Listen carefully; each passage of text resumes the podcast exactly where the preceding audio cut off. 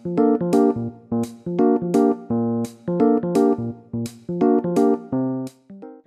bagaimana membuat eh, konten podcast tapi untuk kebutuhan pendidikan.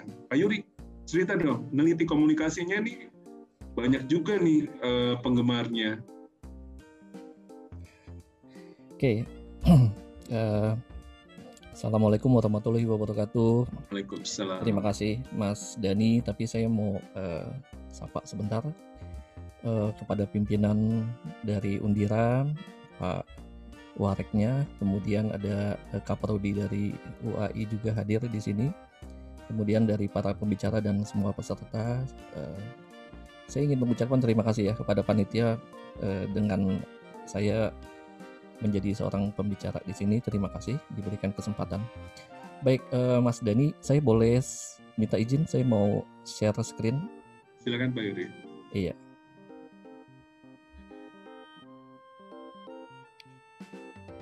Eh, udah kelihatan ya?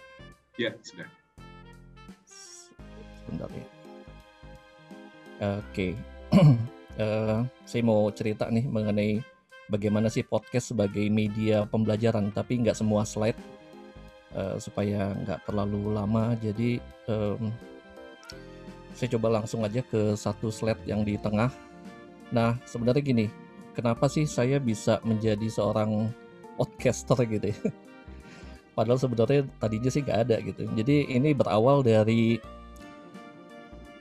eh, masa pandemi ini, Maret 2020 gitu ya. Nah, eh, memaksa kita semua dosen-dosen, mahasiswa juga untuk bekerja melalui rumah WFH. Kemudian di sisi lain juga memaksa eh, kami nih dosen untuk mulai memikirkan bagaimana sih sebetulnya media pembelajaran yang efektif gitu kepada para mahasiswa. Nah, em, ada yang namanya sistem sinkronus. Sinkronus itu kan kalau dosen ketemu sama mahasiswa gitu ya, baik melalui Zoom atau kita interaksi langsung melalui WA group gitu. Kemudian kita memberikan materi di sana. Ada lagi yang disebut dengan asinkronus. Asinkronus itu kan eh, si dosen misalnya taruh aja gitu materi-materinya di LMS (Learning Management System). Seperti contoh yang ada di CD, ini adalah LMS-nya Universitas Al Azhar Indonesia. Nah, jadi di awal masa pandemi sekitar Maret ketika kita sudah harus mengajar eh, dari rumah, kemudian mahasiswa juga menerima menerima apa kuliah dari rumah gitu ya. Saya mencoba menggunakan Zoom. Eh, bukan cuma saya, semua dosen menggunakan Zoom atau Google Meet gitu ya. Nggak, kalau nggak Zoom itu pasti Google Meet. Tapi ternyata ada masalah gitu, komplain dari mahasiswa. Jadi dengan berbagai alasan mereka misalnya baru setengah hadir tiba-tiba mental atau ada juga yang kemudian eh, nggak bisa masuk gitu ya. Kenapa? Karena keluhannya adalah masalah paket data. Paket datanya Pak, masalahnya kalau pakai Zoom itu gede banget makan eh, pulsa, makan paket data kita kata gitu. Yang pakai Zoom kan bukan cuma Bapak doang, tapi ada eh, semua dosen pakainya pakai Zoom, pakai Google Meet gitu. Jadi masalah juga gitu ya. Kemudian yang kedua adalah saya coba nih menggunakan sistem asinkronus aja deh kayak iya menggunakan sistem asinkronus lalu saya coba bikin konten-konten pembelajaran itu dengan video menggunakan aplikasi OBS Studio dan eh, apa lagi ya saya pakai Office Mix gitu saya bikinlah dengan itu saya bikin video kemudian diunggah ke YouTube lalu linknya saya taruh di eh, e-learning LMS Nah, eh, cuma eh, begitu juga ketika saya lihat di analitik, ternyata kalau lihat di analitik mahasiswa kok, eh, misalnya saya kasih satu kelas gitu ya, linknya saya minta teman-teman mahasiswa untuk eh, mempelajari, misalnya ada 40 mahasiswa gitu. Ketika saya minta mereka mempelajari link, eh, mempelajari materi yang ada di YouTube saya, itu kelihatan dari linknya yang nonton juga cuma 40 gitu ya. Kemudian eh, mereka juga nggak nonton sepenuhnya gitu. Jadi nontonnya itu cuma di skip skip aja. Jadi ketika saya tanya lagi sama mahasiswa gitu ya eh, mereka juga cerita iya pak karena pakai zoom itu ternyata juga eh, tinggi juga ngabisin paket data juga. Nah, barulah kemudian sekitar uh, bulan Juli atau Agustus ada satu program yang uh, digelar oleh teman-teman komunitas siberkreasi dari Kominfo gitu ya. Kemudian saya masuk dan saya belajar. Uh, mentor saya ada dua orang di sana tuh, ada Mas Dita, ada Mas Popo, itu mentor-mentor saya. Ketemu lagi di sini ya. Jadi kita sepanggung lagi ya, guru-guru saya kita bisa sepanggung lagi nih. Kalau sama Mas Dita saya udah pernah sepanggung juga nih di webinar. Nah itulah. Jadi saya bikin akhirnya saya bikin uh, podcast, kemudian uh, linknya lalu saya masukkan ke uh, LMS (Learning Management System) dan ketika saya lihat uh, dari analitik itu ternyata misalnya gini satu kelas ada 40 orang gitu ya. Kemudian di analitik terlihat uh, jumlah place nih ya uh, pemutarannya itu bisa 3 sampai 4 kali per orang. Jadi antara 120 uh, kalau 40 ya antara 120 sampai 100 berapa 6 160-an gitu ya kalau 40 orang antara 3 sampai 4 kali. Jadi bisa antara 120 sampai 160 gitu.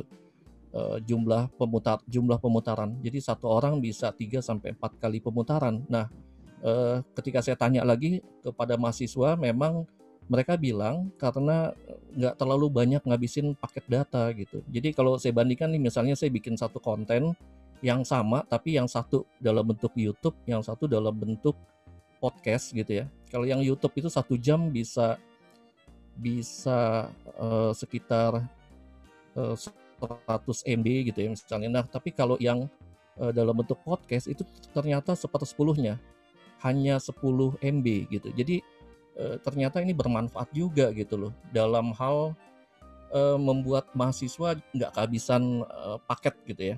Karena mahasiswa juga mesti ngirit banyak banget kan dosen-dosen lain yang pengennya Zoom terus gitu. Nah itu jadi uh, saya mulai menggunakan podcast sebagai salah satu media pembelajaran, tapi pastinya podcast ini memang nggak bisa untuk menggantikan seluruh media pembelajaran yang lain, tapi dia hanya sebagai pelengkap gitu. Jadi kalau lihat di LMS ini, di sana ada uh, podcast, kemudian ada uh, saya masukkan juga uh, apa namanya e-book gitu ya Kemudian tugas, kalau saya masukkan e-book, e-booknya dalam bahasa Inggris 300 halaman, sering sekali mahasiswa enggan untuk membaca karena katanya bahasa Inggris dan agak sulit gitu.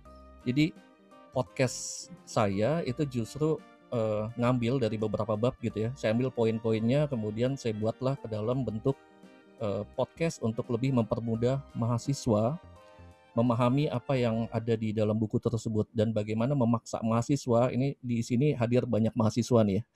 Jadi uh, saya kasih tahu uh, bagaimana untuk memaksa kalian untuk dengerin podcast saya itu ada di tugas. Jadi saya kasih tugas kalau mau ngerjain tugas harus dengerin podcast gitu. Nah itu ya boleh-boleh aja dong. Karena boleh apa? Dong. Karena iya. Karena podcast saya ini seperti yang tadi disebut oleh uh, Mas Popo ya Mas Rizky itu kan tadi disebut uh, kalau tujuan podcast tuh macam-macam ya. Ada yang untuk cuan kemudian untuk ketenaran ada impact lalu ada berbagi kemudian untuk pahala gitu ya. Kalau saya ada di tiga uh, tujuan. Tujuannya yaitu untuk impact berbagi dan pahala. Kalau untuk cuan dan ketenaran itu jauh sekali gitu ya karena itu udah dimiliki maksudnya pak ya Iya, karena ini kan kontennya konten serius gitu loh. Konten yeah. serius yang sulit kalau mau dijual mau dijual juga gitu. Jadi tujuan awalnya memang non profit. Tujuannya semata-mata ya memang untuk uh, apa berbagi pengetahuan. Nah, kalau apa namanya? Um, sebentar ya saya lihat ini dulu. Nah gini. Ini bisa dilihat. Jadi kalau penelitian-penelitian menunjukkan bahwa sebetulnya podcast itu bisa menjadi sumber belajar yang efektif gitu. Ini dari hasil penelitiannya Faiza dan Wawan tahun 2014 antara lain yaitu podcast bisa menjadi bisa sesuai dengan tujuan pembelajaran yang akan dicapai. Kemudian juga kan tujuan pembelajaran salah satunya adalah pemahaman gitu ya. Kemudian yang kedua mampu menggugah imajinasi pendengar uh, seperti tadi yang disebut uh, oleh Mas Popo, Mas Dipta, yaitu dengan membuat misalnya ya storytelling, kemudian mengakibatkan yang disebut dengan membangun theater of mind. Jadi ada backsoundnya, ada ambience gitu ya, ada sound effect gitu. Itu saya juga termasuk penggemarnya uh, Do You See What I See? Sound, sound efeknya sering bikin saya kaget. Kemudian ada lagi uh, di konten pelajaran lebih itu Pak ya? Yuri ada efek-efek yang serem juga nggak oh, enggak lah.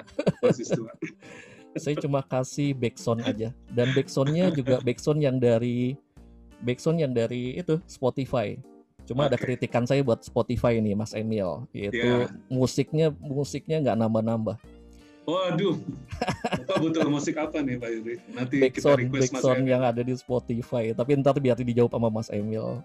Yeah. Nah kemudian uh, kontennya juga bisa lebih dinamis. Itu dinamis itu maksudnya gini, bisa kita bisa ngasih kayak materi gitu ya, materi uh, monolog bisa juga kayak dialog saya dialog dengan satu dosen satu pakar gitu ya saya pernah dialog misalnya dengan profesor uh, salah satu profesor ilmu komunikasi gitu kemudian juga kalau menggunakan podcast dia ramah bandwidth bisa didengar di mana aja mau di toilet kek mau di busway kek gitu ya. Atau sambil aktivitas lain mau sambil uh, kita nyetir mobil gitu ya. Dan tingkat ketersebaran kontennya itu lebih luas dan masif. Bayangkan kalau secara off offline itu kita ngajar di kelas pengetahuan yang kita berikan hanya kepada mahasiswa yang berada di depan kita dan kemudian eh, pengetahuan tersebut terlindung oleh tembok-tembok tebal dari kampus gitu. Tapi kalau kita masukkan ke media digital, podcast, YouTube dan sebagainya gitu, bukankah itu akan eh, kita lebih eh, apa namanya eh, bermanfaat ilmu tersebut ketika tersebar kepada masyarakat banyak? Nah, um, kemudian kalau efektivitasnya sudah pernah dicoba uh, diuji di universitas di Afrika Selatan ya, University of South Africa, itu ternyata bagus gitu diminati ketika digunakan untuk uh, pembelajaran terbuka jarak jauh. Kemudian pernah dicoba di India, bahkan di India itu untuk uh, program yang apa ranahnya itu eksakta gitu, yaitu kedokteran gigi. Ternyata juga bagus juga uh, itu diuji tahun 2013. Kemudian ada lagi kalau di Indonesia sih saya ambil yang itu ya, yang dari negara-negara berkembang aja buat perbandingan. Dari Afrika Selatan, India, terakhir yang dari Indonesia saya dapat juga penelitian yang dilakukan oleh uh, Aditya Aulia dan Supriyanto itu di Universitas Sriwijaya yaitu program studi pendidikan sejarah.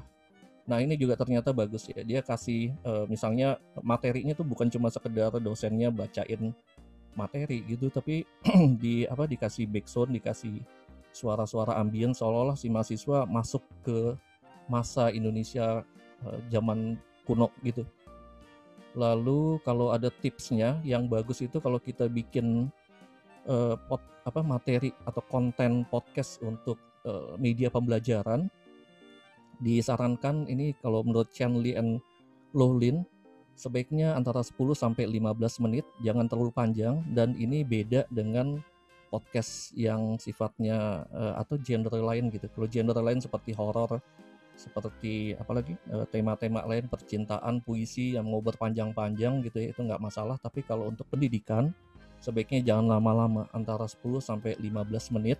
Kalau saya sendiri sih antara 7 sampai 20 menit yang materi ya. Kecuali ada lagi kalau materi episode saya tuh di dalam podcast saya ada yang misalnya kayak webinar ya seperti ini kemudian rekamannya saya saya masukkan podcast kemudian ada lagi yang uh, dialog saya dengan seorang pakar itu biasanya sampai satu jam gitu tapi kalau yang materi untuk pendidikan itu biasanya ya sekitar itu 20 menitan kemudian uh, yang kedua podcast itu sebenarnya cuma untuk pelengkap materi kuliah jadi jangan dianggap podcast itu bisa untuk menggantikan materi-materi yang lain gitu karena uh, tetap ya materi yang lain itu kan pelengkapnya kan ada e-book gitu, ada buku, ada tugas e-learning, kemudian ada forum diskusi, ada PPT dan uh, sebagainya.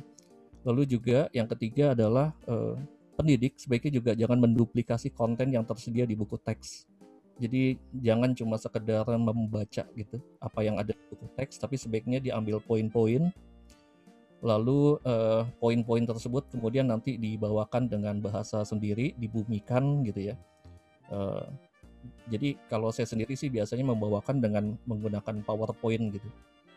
Uh, lalu nanti baru saya cerita. Saya pikir uh, sementara itu dulu Mas uh, Dani. Baik Prof Nero. Oh, ah, uh, ah, Pak Yuri maksud saya.